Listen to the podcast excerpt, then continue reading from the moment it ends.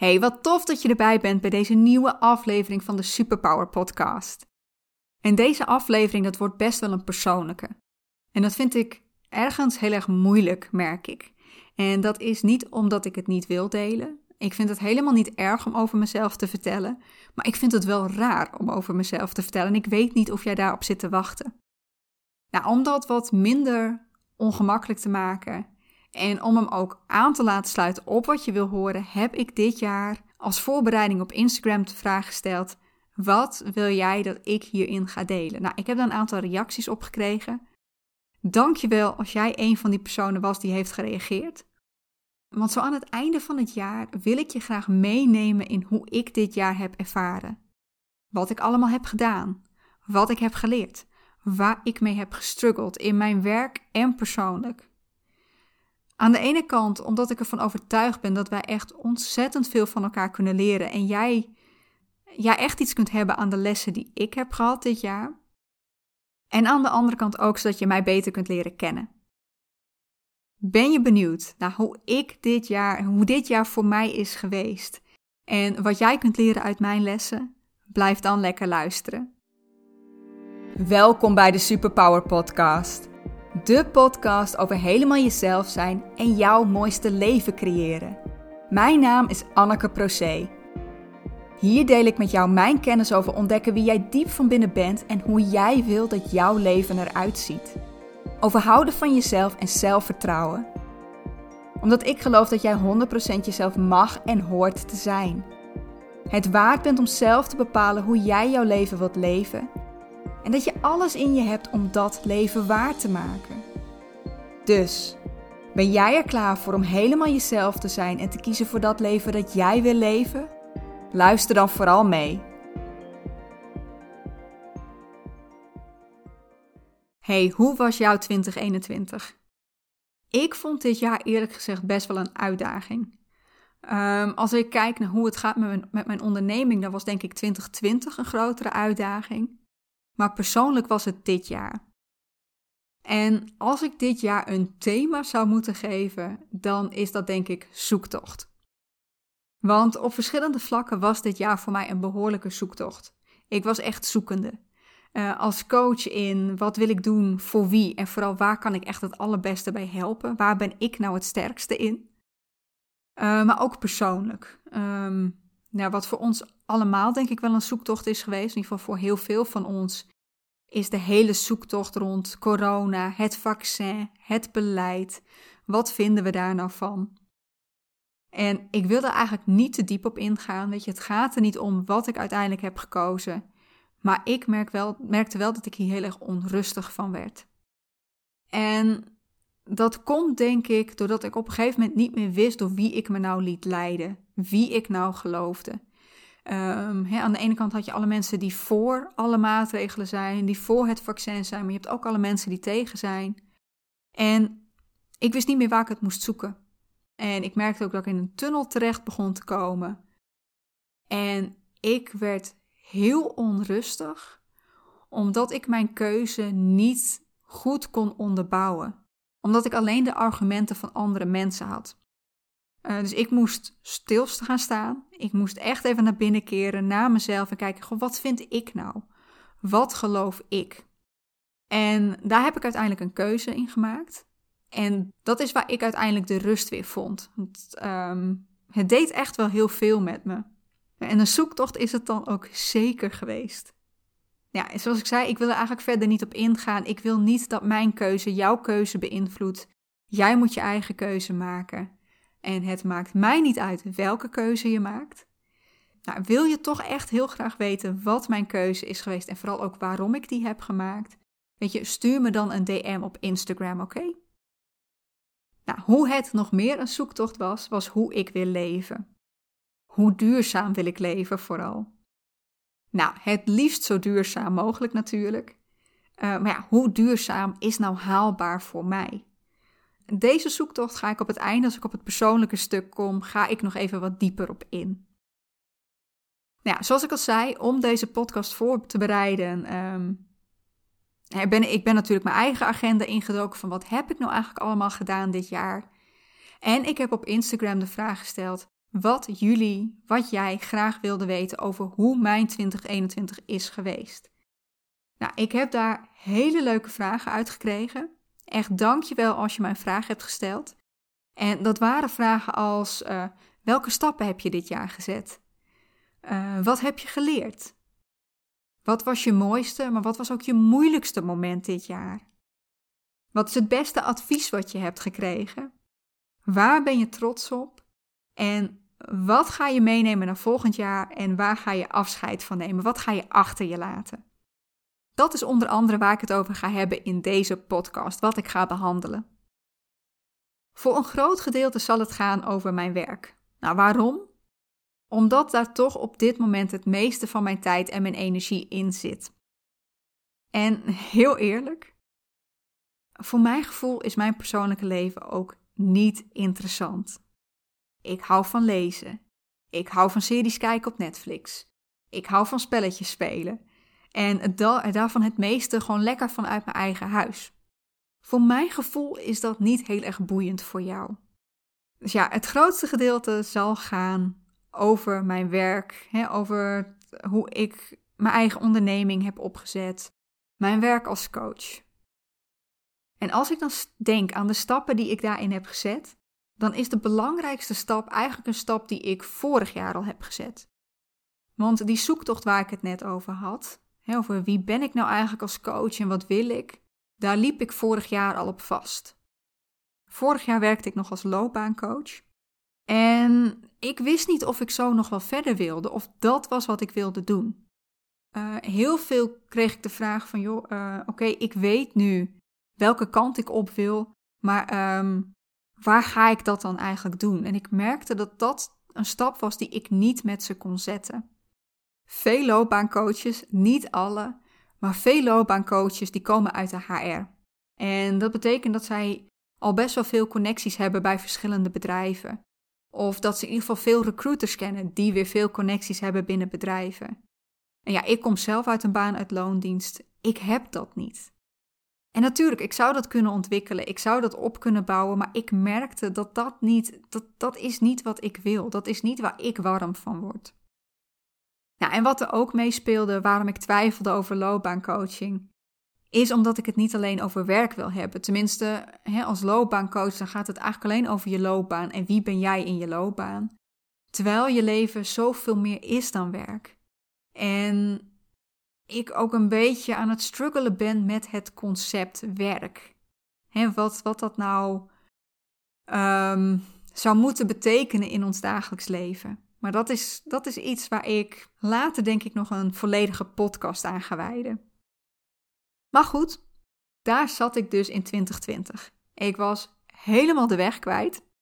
En ik heb toen een stap gezet die reddend is geweest voor mij als coach. Ik moest namelijk aan mezelf toegeven dat ik dit niet in mijn eentje kon, dat ik hier niet in mijn eentje uit ging komen. En ik heb toen halverwege vorig jaar contact opgenomen met een coach waar ik eigenlijk al een hele tijd mee wilde werken. Nou, shout out to Daisy Amelsbeek.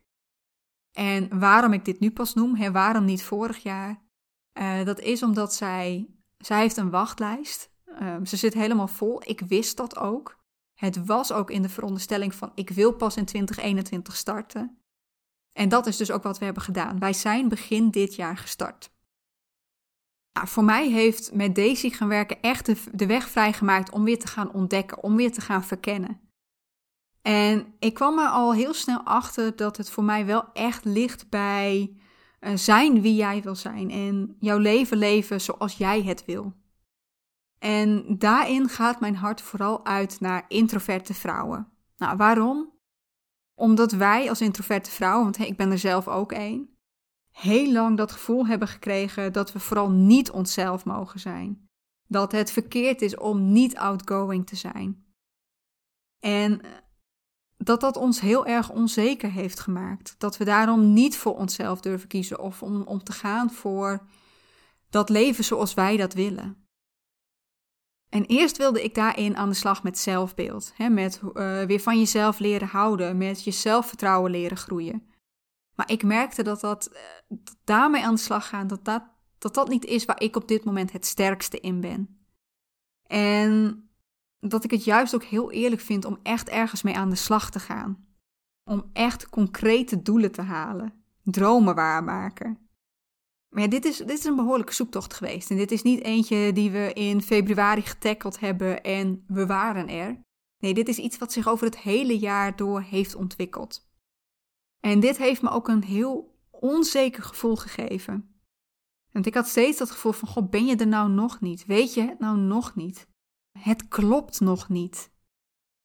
Ondertussen weet ik dat dat erbij hoort. Dat iedereen die begint met het werken aan zijn of haar droom, aan zijn of haar doel, er gaandeweg achter komt wat het nou precies is wat ze willen. En dat dat steeds weer een beetje bijsturen is. En dat dat steeds weer een beetje een nieuw dingetje ontdekken van wat je wel wilt. En misschien ook wel wat je dus eigenlijk totaal niet wil. pas als je bezig bent, ga je echt ontdekken wat je wil. Dit jaar heb ik vooral heel veel nieuwe stappen gezet. Uh, ten eerste heb ik voor het eerst echt een marktonderzoek gedaan. En dan denk je, goh, waarom nu pas?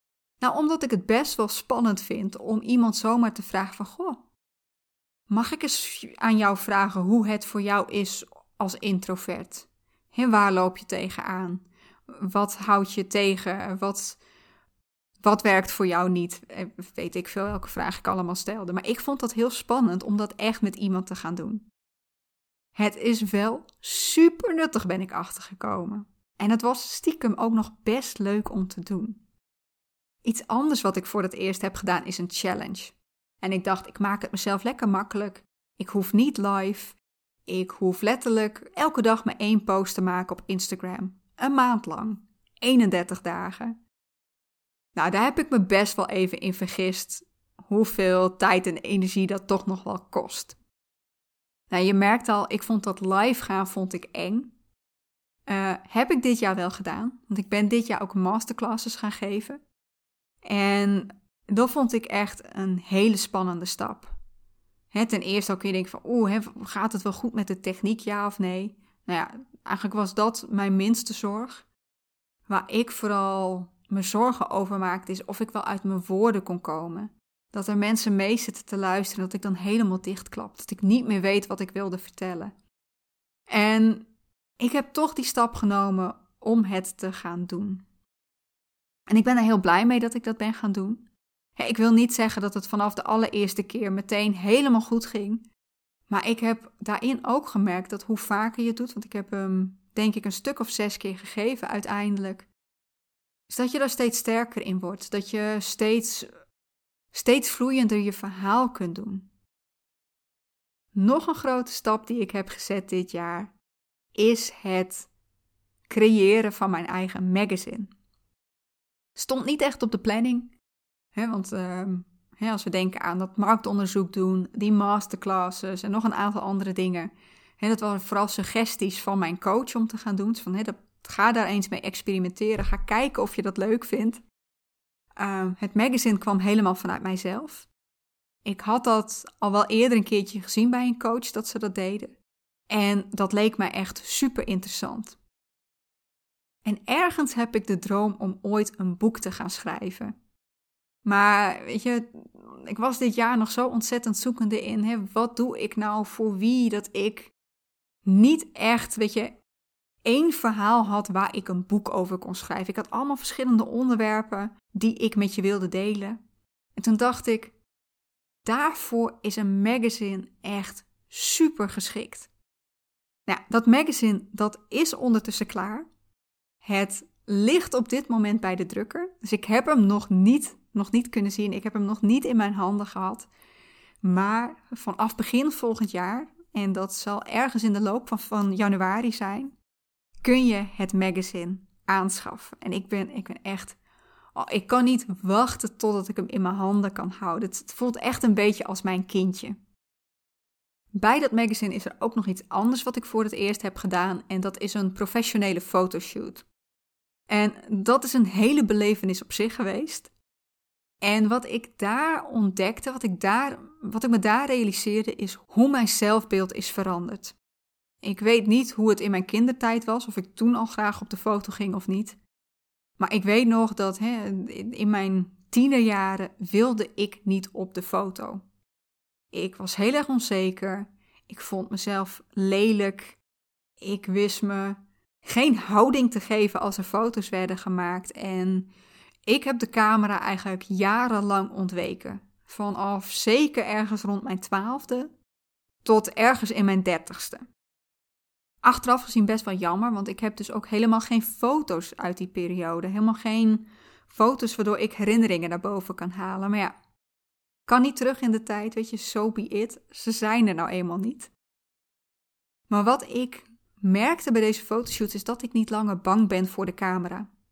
En dat ik het helemaal ook niet erg vind om het resultaat uiteindelijk te zien, om mezelf te zien. En dat had ik ook wel een beetje met deze podcast bijvoorbeeld. Hè, oeh, dan moet ik naar mezelf luisteren. Ik heb geen mooie stem en ik, ik ben erachter gekomen dat ik het helemaal niet erg vind om naar mezelf te luisteren. En dat is heerlijk om van jezelf te realiseren dat je zoveel beter over jezelf denkt. Waar ik dit jaar nog meer van heb genoten, dat zijn, en dat is niet, niet zozeer nieuw. Ik ben niet nieuw als coach, maar het is toch alle nieuwe contacten die ik op heb gedaan. Alle mensen, alle vrouwen die ik heb leren kennen via de power calls en via de coaching. En dat is toch waar ik het voor doe. Nou, dat is wat ik heb gedaan. Maar ik heb natuurlijk ook daar dingen uit geleerd. Ik heb daar lessen uit gehaald. En een aantal die noemde ik al. Uh, zoals het dat je eh, dat het helemaal niet erg is om bij te sturen. Een droom is niet iets die uh, vanaf het begin als in steen gebeiteld vaststaat. En je komt er pas achter wat je echt wil door het te gaan doen, door het te gaan ervaren en door te zien wat voor jou wel en niet werkt. Je leert steeds beter kennen wat je nou echt wil. En dat kan je heel onzeker maken, omdat je steeds denkt: ja, maar ik weet het nou nog steeds niet. Maar het is veel beter om het wel te gaan doen, om wel aan de slag te gaan, om wel te gaan ervaren dat je stil gaat zitten en gaat wachten totdat je precies weet wat je wil. Want dat punt, dat gaat nooit komen. Dat ga je echt, dat ga je echt alleen ontdekken door het te gaan doen. En dan gaat het niet alleen om dat einddoel, uh, want je hebt ook nog een pad wat je af moet gaan om bij jouw einddoel te komen. En daar maak je ook allemaal keuzes. Wat doe je wel, wat doe je niet? Ehm, ik kan in mijn coaching bijvoorbeeld al de keuze maken: ga ik één op één? Ga ik met groepen werken? Ga ik retraites geven? Ga ik uh, cursussen maken, ja of nee? Um, ga ik online? Ga ik live? En dat zijn allemaal dingen waar je achter gaat komen wat je wil, door ze uit te gaan proberen, door daarmee te gaan experimenteren. Je kunt er wel helemaal over na gaan denken van, oh nee, ik wil echt live of ik wil echt met groepen gaan werken. Maar ga het ook ervaren. Want daarmee kom je erachter wat wel en niet werkt. Nou over gaan doen gesproken. Heel veel dingen zijn super spannend als je, als je ze voor het eerst gaat doen. En vaak durven we daardoor niet. Maar als je het niet gaat doen, dan ga je het ook nooit leren. Ga je er nooit achter komen wat je wel en wat je niet kunt. En wat je leuk vindt om te doen. He, door te gaan doen, word je ergens steeds beter in. En natuurlijk, wat ons vaak tegenhoudt, is: oeh, uh, ga ik dit wel kunnen? Gaat dit wel goed? Oeh, als het fout gaat, dan ga ik op mijn bek en daar gaan andere mensen iets van vinden. En daardoor blijven we zo lekker in die comfortzone zitten en denken: weet je, het is allemaal wel goed zo. Het hoeft allemaal niet. Ik blijf wel gewoon doen wat ik al kan. Maar um, ergens zit wel die, dat gevoel, die, die drive dat je het anders wilt. Tenminste, ik had dat wel. En ik heb, ik heb dit ook heel lang gehad. Ik heb heel lang het doodeng gevonden om uit die comfortzone te komen. Maar ik wist ook dat ik het niet fijn vond om daar te zitten. En dit is ook uiteindelijk mijn kracht geworden. Ik laat me niet meer tegenhouden door angst. Ik ga het toch doen, ook al vind ik het super spannend. Want dat is hoe je vooruitkomt. Ja, en het, als het gaat om in actie komen, toch te gaan doen, hoe spannend het ook is. Het gaat er niet alleen om dat je uh, daardoor leert. Of nou, eigenlijk, het gaat er wel om dat je leert. maar het gaat er niet alleen om, om die ene vaardigheid waar je dan beter in gaat worden, maar ook dat je gaat zien dat er zoveel meer in je zit dan je dacht dat je kon. Dacht ik dat ik een magazine kon maken? Nee. Dacht ik dat ik kon podcasten? Nee. Maar ik ben gewoon gaan zien dat ik zoveel meer kan dan ik dacht.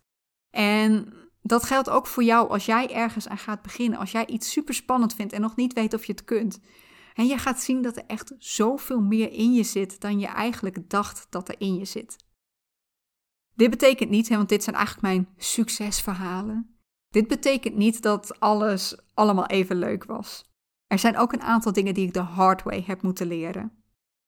En de eerste daarvan is dat het iets neerzetten eigenlijk altijd langer duurt dan je wilt. dat, dat een droom er niet van de ene op de andere dag is. Dat dat iets is waar je tijd en waar je energie in moet steken. En dit heeft mij meer dan één keer best wel gefrustreerd. Het ging voor mijn gevoel niet snel genoeg. En daaruit kwam ook het gevoel dat ik het niet goed genoeg deed. En ja, ik heb mezelf echt wel de vraag gesteld: had ik niet meer kunnen doen? Ik heb toen even een stap terug moeten doen. En ik heb echt even moeten kijken van, goh, wat heb ik nou allemaal gedaan? En had dat echt zoveel tijd moeten kosten? En waar ik achter kwam was dat één. Ik heb me er echt in vergist hoeveel tijd iets kost als je het voor de eerste keer doet. Als je alles nog moet ontdekken. Als je nog niks op de automatische piloot kunt doen. En nou ja, oké, ik denk ook niet als je iets voor de tweede keer doet, dat het meteen op de automatische piloot gaat. De derde keer misschien ook nog niet. Maar als je voor de vierde, vijfde, zesde, zevende keer weet ik veel wat doet, dan krijg je het veel sneller voor elkaar. En dan gaat het veel minder tijd en energie kosten dan het die eerste keer doet. Het tweede wat ik ontdekte, is dat ik er niet altijd bij stilsta dat, er, dat ik met meer dingen bezig ben met dan dat ene ding wat ik nu voor het eerst doe. Er zijn ook nog heel veel dingen die op de achtergrond moeten gebeuren. Ik ben ook bezig met coaching. Ik ben ook bezig met de podcast, met Instagram, met de power calls, uh, de administratie, die moet ook gedaan worden, etc. En dat is alleen nog maar werk. Maar ik heb natuurlijk ook nog een persoonlijk leven. Ik heb ook nog een partner, ik heb familie, ik heb vrienden. En daar wil je ook tijd en energie aan, aan spenderen. Ik heb dus echt even dat stapje terug moeten zetten. Ik heb naar het totaaloverzicht moeten kijken en me nog een keer af moeten vragen of ik genoeg heb gedaan. En voor mij is het antwoord ja, ik heb genoeg gedaan. En had dat sneller gekund? Vast. Het had vast efficiënter gekund. Maar dat is iets wat je leert door te doen. Het moet eerst iets worden wat in je systeem gaat zitten, wat je vaker hebt gedaan. Iets anders wat voor mij echt een valkuil is geweest, is mezelf vergelijken met anderen. Um, het is zo makkelijk om je met anderen te vergelijken, om te zien wat anderen doen en je dan af te vragen: doe ik het wel goed genoeg? Want eigenlijk altijd pak je iemand die verder is dan jij. Een voorbeeld voor mij is bijvoorbeeld de masterclasses. Weet je, ik maak, of ik plan een masterclass. Ik gooi dat de wereld in en ik zie langzaam 1, 2, 3, 4, 5 aanmeldingen binnenkomen. Uiteindelijk is er één persoon aanwezig. En ik zie iemand anders en die zegt: Oh, er doen al 300 mensen mee. En dan denk ik: What the fuck? En ik dan? Waar gaat dit verkeerd? Wat doe ik niet goed? En dit is een punt waar mijn coach behoorlijk heeft ingegrepen. Waar ze mij echt wel even een lesje heeft geleerd. Uh, ten eerste wat ze zei was: één, je hebt geen idee wat die ander hiervoor heeft gedaan. Hoe ze het hebben gepromoot, hoe lang ze überhaupt al bezig zijn, hoeveel mensen ze al uh, hen al volgen, waar ze al contact mee hebben. Dat weet jij allemaal niet. En twee, er was gewoon één persoon aanwezig bij jouw masterclass, bij jouw eerste masterclass. Er zijn ook mensen die ik coach, waarbij bij de eerste masterclass niemand opkomt dagen. Dus wees trots dat je één persoon daar in ieder geval had. En ze heeft hier een heel sterk punt. Want op het moment dat jij in die vergelijkingsslag gaat, en ik denk dat ik niet de enige ben, ben maar wat er dan gebeurt is dat je jouw hoofdstuk 1 of jouw hoofdstuk 5 of weet ik veel wat gaat vergelijken met hun hoofdstuk 20. Jij hebt geen idee welk pad zij hebben gelopen, wat zij allemaal hebben gedaan om daar te komen. En dit is dan ook een heel goed advies wat ik heb gekregen. En dit is misschien wel het beste advies van dit jaar. Ga met die mensen praten. Ga niet vanaf een afstandje staan kijken met uh, waarom doen zij het wel goed en ik niet. Nee, ga vragen hoe ze dat hebben bereikt. Wat ze allemaal hebben gedaan. Ten eerste krijg je een veel beter beeld of je jouw situatie überhaupt kunt vergelijken met die van hen. En twee, je leert van de stappen die zij hebben gezet. wat hebben zij gedaan? En kun jij dat ook toepassen zodat het bij jou beter gaat? En dat is denk ik ook iets wat ik heel erg moet leren. Ehm, is dat ik minder vanaf de buitenkant naar binnen moet gaan werken. Dus hoe doet de rest het? En doe ik het wel goed genoeg? Of moet ik dat ook gaan doen? En meer van binnen naar buiten. Wat voelt goed voor mij? Hoe wil ik dit aanpakken? En dat, ik merk wel dat dat eentje is die ik nog wel heel moeilijk vind. Ik ben me er bewust van dat ik het nog niet altijd doe. Uh, maar nu moet ik dat ook nog echt gaan doen. Wat is dan waar ik het meest trots op ben? En eigenlijk het eerste wat in me opkomt is mijn magazine. Ik ben echt super trots op wat ik gewoon heb gecreëerd. Uh, maar ik denk eigenlijk eerder dat het de mindset is die daarachter zit. Ik heb dit jaar namelijk alles gedaan vanuit een mindset van wat er ook op mijn pad komt, ik ga het doen. ik was ooit echt een scheidluis. Ik durfde niks, ik zette nooit nieuwe stappen. Maar ik ben daar echt heel erg in veranderd. Ik ben juist de persoon geworden die denkt: wat kan er nou gebeuren? Wat kan er nou misgaan?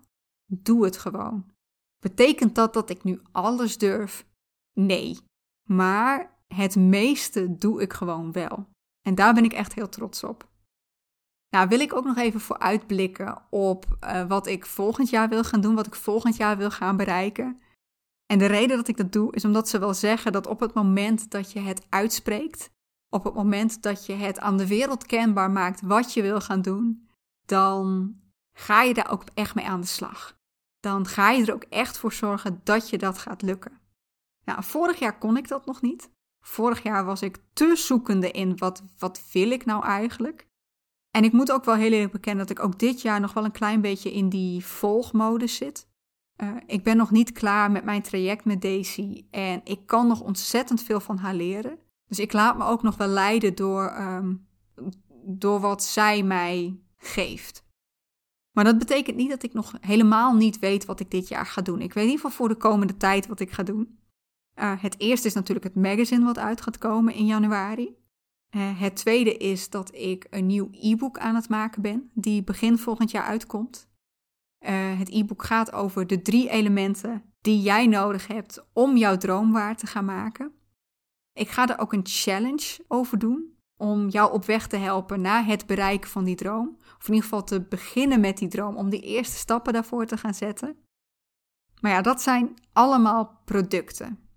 Dat is nog niet echt een doel. En ik vind het heel spannend om een doel te delen, maar het ga, ik ga het toch doen.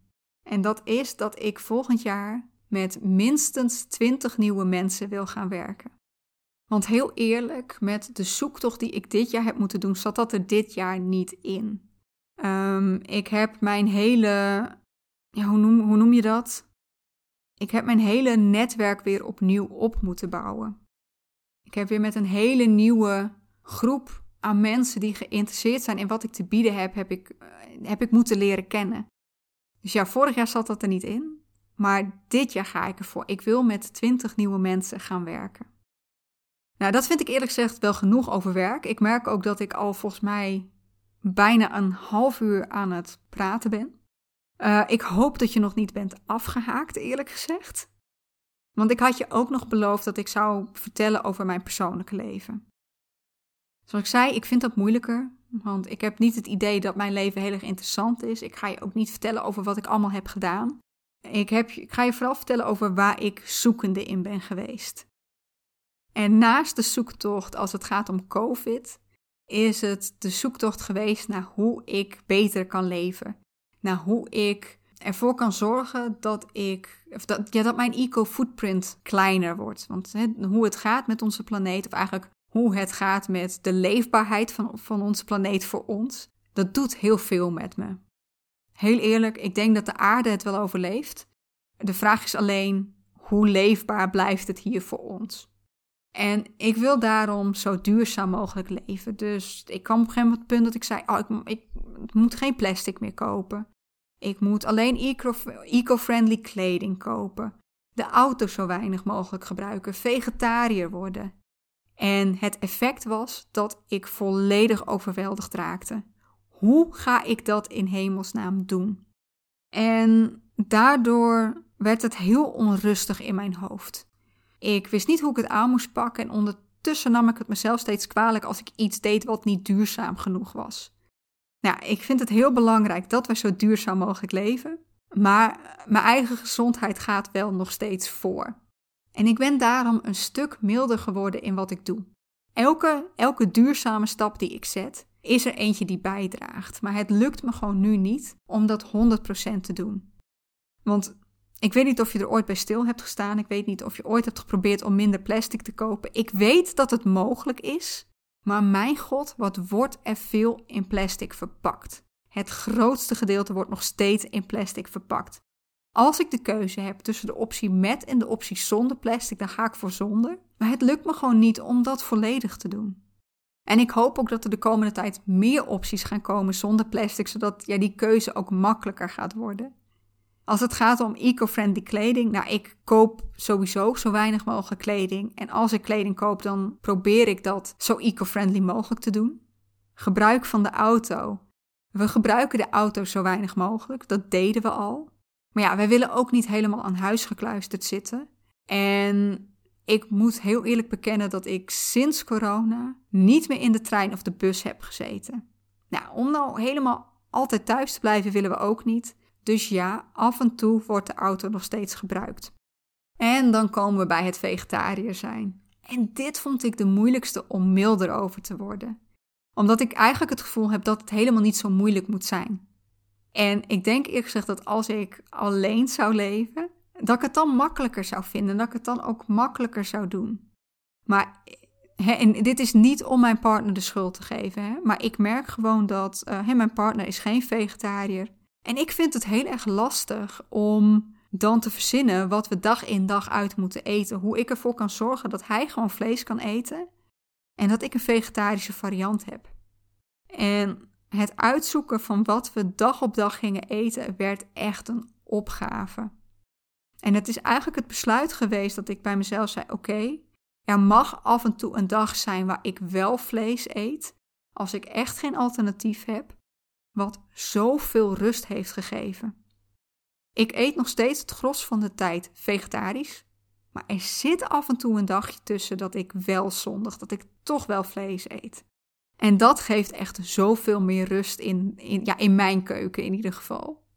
Wat ik in deze hele zoektocht naar duurzaamheid heb gemerkt, is hoe streng ik voor mezelf ben. Eh, dat ik continu dat kritische stemmetje heb wat zegt: je doet het niet goed genoeg. Het moet beter. En ik merk dat trouwens ook in mijn werk. Daar heb ik ook, uh, ik noem haar bazige Beb. Uh, bazige Beb die continu achter me staat met: ja, nee, er nu nog niet stoppen, want het is nog niet af. En dit is iets waar ik volgend jaar echt mee aan de slag mag. Milder voor mezelf worden, minder streng. Ja, toch nog minder naar die innerlijke criticus luisteren. Waar ook naar is gevraagd is wat mijn moeilijkste moment was. En mijn moeilijkste moment was niet zozeer een moment. Het was eigenlijk iets wat op de achtergrond continu heeft gesudderd. En wat eigenlijk ook al langer suddert dan dit jaar. Maar het was heel lang heel stil. En het begint steeds luider te worden. Ik heb er al af en toe iets over gedeeld op Instagram. Maar ik wil dat niet te veel doen, omdat ik niet, niet continu in die klaagmodus wil zitten. En ja, als je kijkt naar het rouwproces, zit ik hier nu wel echt in die angst en die verdrietfase. Nou, voordat ik verder ga op dat rouwproces, is het misschien wel even handig om te vertellen waar het over gaat. En dat is dat ik ziek ben. Ik heb een genetische aandoening, HSP, niet te verwarren met hoogsensitiviteit. Heb ik ook, of ben ik ook. Ik quote even mijn vriend die zegt: Je bent HSP en je hebt HSP. Maar in dit geval gaat het om hereditaire spastische parapese. Mag je helemaal weer vergeten. Maar wat dat inhoudt is dat de zenuwbanen in mijn rug, de lange zenuwbanen, dat die steeds minder goed beginnen te werken. En daardoor kan ik minder goed lopen. En nou ja, het, heeft, het is niet alleen lopen, het kunnen ook nog andere dingen gebeuren, maar laten we ons nu even concentreren op dat lopen. Ehm, ik heb heel lang in de ontkenningsfase gezeten. Dus van ja, weet je, zelfs al heb ik het, het zal allemaal wel meevallen. Het wordt vast niet zo erg bij mij. want op dat moment merkte ik er nog heel weinig van. Ik kon nog gewoon sporten. Nou, een paar jaar geleden begon ik steeds meer um, blessures te krijgen. En ik heb toen de schuld gegeven aan mijn burn-out. Wat ook niet raar is, want als jouw lichaam helemaal uitgeput is, dan ja, ben je gewoon ook gevoeliger voor blessures. Maar ik kan het ondertussen niet meer daarop schuiven. Ik kan het niet, het feit dat ik gewoon geen lange afstanden meer kan lopen, kan ik niet ontkennen. Nou, toen ben ik eerst, ja, um, de woedemodus ingegaan. Ik was kwaad. En waarom moet mij dit overkomen? Ik wil dit helemaal niet. Uh, ik wil ook gewoon kunnen lopen. Ja, ik was, ik was kwaad. En ik, weet je, die triggers zitten nog steeds wel hoor. Maar hij is nu meer naar buiten gericht. Als ik merk dat iemand zegt hè, over, of je, je moet eigenlijk een half uur bewegen per dag. Dat dan wordt gezegd. Ja, ga dan op zijn minst een half uur lopen. Dat kan iedereen dan word ik kwaad. Dan denk ik, hoezo kan iedereen dat? Dat kan niet iedereen. En ik weet dat ze het goed bedoelen. En ik weet ook dat voor de mensen waar lichamelijk niks aan de hand is, dat dat de motivatie kan zijn om inderdaad een half uur per dag in beweging te komen. Om die wandeling te gaan maken. Maar op het moment dat iemand dat zegt, dan raakt dat een pijnpunt bij mij. Maar ik zit nu vooral in de fase van angst en de fase van verdriet angst voor wat er nog gaat komen, voor hoeveel erger dit nog gaat worden. En verdriet om alles wat ik een paar jaar geleden nog kon en nu niet meer. En ook al een soort van verwacht verdriet voor wat ik in de toekomst niet meer kan. Het nadeel van een genetische aandoening is dat je familie het ook heeft. Tenminste, een deel van je familie. En ik kan al bij eh, bijvoorbeeld mijn moeder zien, die toch al verder is dan ik. Uh, dat geeft voor mij wel een toekomstbeeld voor hoe het kan gaan worden. Maar ook verdriet om hoe erg ik er nu al rekening mee moet houden. In de reizen die ik maak, in wat we doen in onze vrije tijd. Want zodra het iets is waar we veel bij moeten lopen, moet ik gewoon nadenken: is dit slim, ja of nee? En dan denk ik: dit is niet een keuze die je zou moeten hoeven maken. Dit is niet iets waar je bij stil zou moeten hoeven staan en ik moet dat wel. En dat doet pijn. Ja, deze rouw kost heel veel van mijn energie. En ook hier ben ik toch wel weer zoekende in hoe ik dit het beste aan kan pakken. want aan de ene kant, weet je, rouw hoort bij het leven en je moet alles voelen. Aan de andere kant is het ook niet goed om stil te gaan staan en je daardoor te laten leiden toch denk ik dat het voor mij nu wel het beste is om dat wel helemaal te gaan doorvoelen. Om die pijn te voelen, om dat verdriet te voelen. Want als ik dat niet doe, dan ga ik het wegstoppen. En dan komt het op een later moment wel terug. Genoeg over mijn moeilijkste deel van dit jaar. Ook omdat ik, ja, omdat ik niet zoveel zin in heb om hier te gaan zitten huilen, to be honest. En het enige waar ik het dan volgens mij nog niet over heb gehad, is wat ik achter me wil laten en wat ik mee wil nemen naar het volgende jaar. Wat ik achter me wil laten, maar wat iets is wat ik nog wel moet leren. Bewustwording is de eerste stap. Ik weet nu dat ik het doe. Maar het gaan doen is stap 2. En dat zal ook met vallen en opstaan gebeuren. Ik zal daar nog regelmatig de fout in gaan, denk ik. Maar dat is dat vergelijken dat, hè, dat ik me heel erg laat beïnvloeden vanaf de buitenkant. Ik wil juist meer vanuit mijn binnenste gaan werken, vanuit wat ik wil en wat ik denk dat goed is. Wat ik verder echt mee wil nemen is mijn do-it mentaliteit, mijn do-it mindset. Uh, stappen blijven zetten, ook al zijn ze spannend. en nog sterker in mijn schoenen leren staan, zodat ik nog duidelijker kan maken, nog duidelijker kan laten zien voor wie ik er ben, wat ik doe, waar ik kan ondersteunen, waar ik kan helpen. Want nu heb ik nog wel eens het gevoel dat er een muur staat tussen mij en iedereen die wat ik te bieden heb heel goed kan gebruiken. En daarmee wil ik niet zeggen dat iedereen bij mij moet kopen, maar ik vind dat je op zijn minst de kans moet krijgen om te zien of je dit nodig hebt of niet. En nu heb ik het gevoel dat ik dat nog niet goed genoeg kan doen. En dat is iets dat ik volgend jaar wel echt wil gaan doen. Ja, dat is hoe ik het afgelopen jaar heb ervaren. En een klein beetje een vooruitblik op volgend jaar. Ik heb er in ieder geval heel veel zin in. Ik ben klaar voor het nieuwe jaar. En ja, de vraag is: ben jij dat ook? Ik ben er echt heel erg benieuwd naar hoe jij het afgelopen jaar hebt ervaren. Wat jij het komende jaar wilt gaan doen. Of je bijvoorbeeld dromen hebt die jaar, waar jij mee aan de slag wil. En misschien ook wel of je nu iets hebt gehad aan de lessen die ja, ik dit jaar misschien best wel hard heb moeten leren. Wat jij mee kunt nemen naar volgend jaar. Als je daar iets over wilt delen, ik weet dat deze podcast eenrichtingsverkeer is. Je hebt nu alleen naar mij kunnen luisteren. Um, je kunt hier ook niet direct op reageren, moet ik eerlijk bekennen. Maar wat je wel kunt doen als je hier iets over wilt delen, is mij een DM sturen op Instagram. Het lijkt me heerlijk om hierover met jou in gesprek te gaan. En als je me nog niet volgt op Instagram, je vindt me daar als anneke.proce. Nou, heb je geen Instagram? Wil je geen Instagram gebruiken? Je mag me ook altijd mailen op anneke.annekeproce.nl. Ga ik er nu weer vandoor? Ik heb lang genoeg gepraat.